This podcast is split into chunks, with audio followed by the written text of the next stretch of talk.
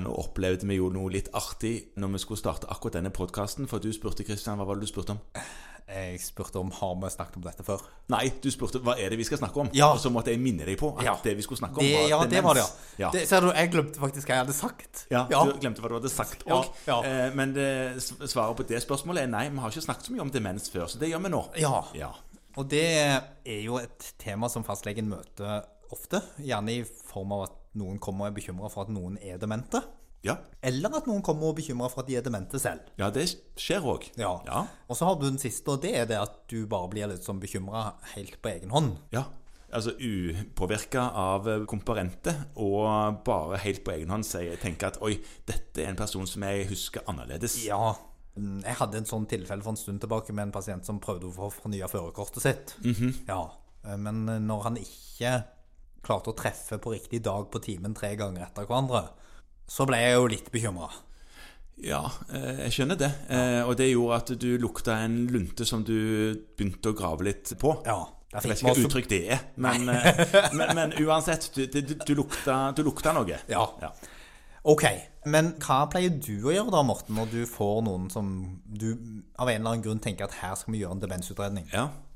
Eh, Du, da har jeg et opplegg som består av eh, to konsultasjoner hos meg. Ja. Hvor jeg gjør diverse tester, hører på komponentopplysninger, eh, henviser til MR av hodet og tar eh, noen blodprøver. Ja, hvorfor gjør du det?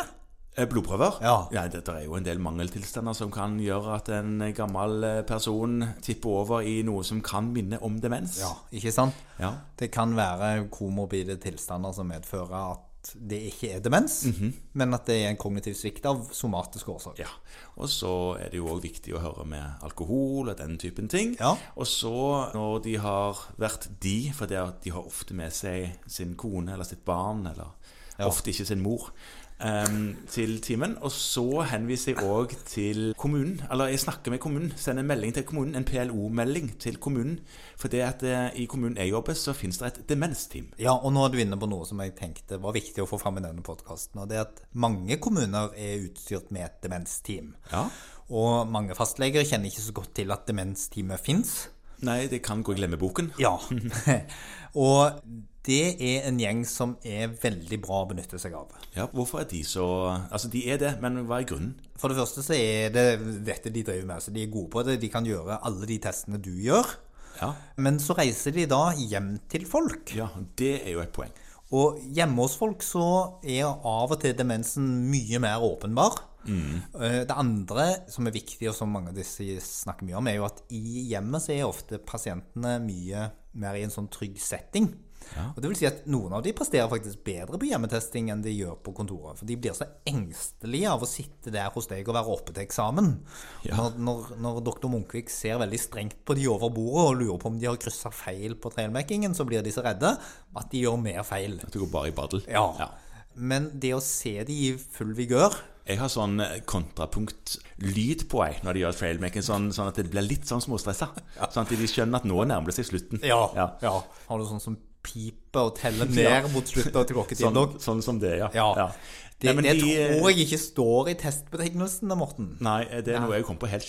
Ja, Men, men de gjør da undersøkelser i hjemmet, og de får også observert hvordan hjemmet ser ut. Og det kan jo noen ganger være en kjempeindikasjon på at her svikter det. Ja. Ja, Og så leverer de superfine rapporter tilbake igjen. Veldig mange av de. Sånn at det, dette er jo òg en oppfordring, nå, i tillegg til å snakke litt om hvordan man skal utrede og følge opp demens.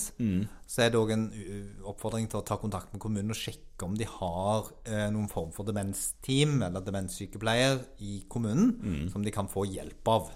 Eh, og så er det jo kjempefint fordi at vi har en litt travel hverdag.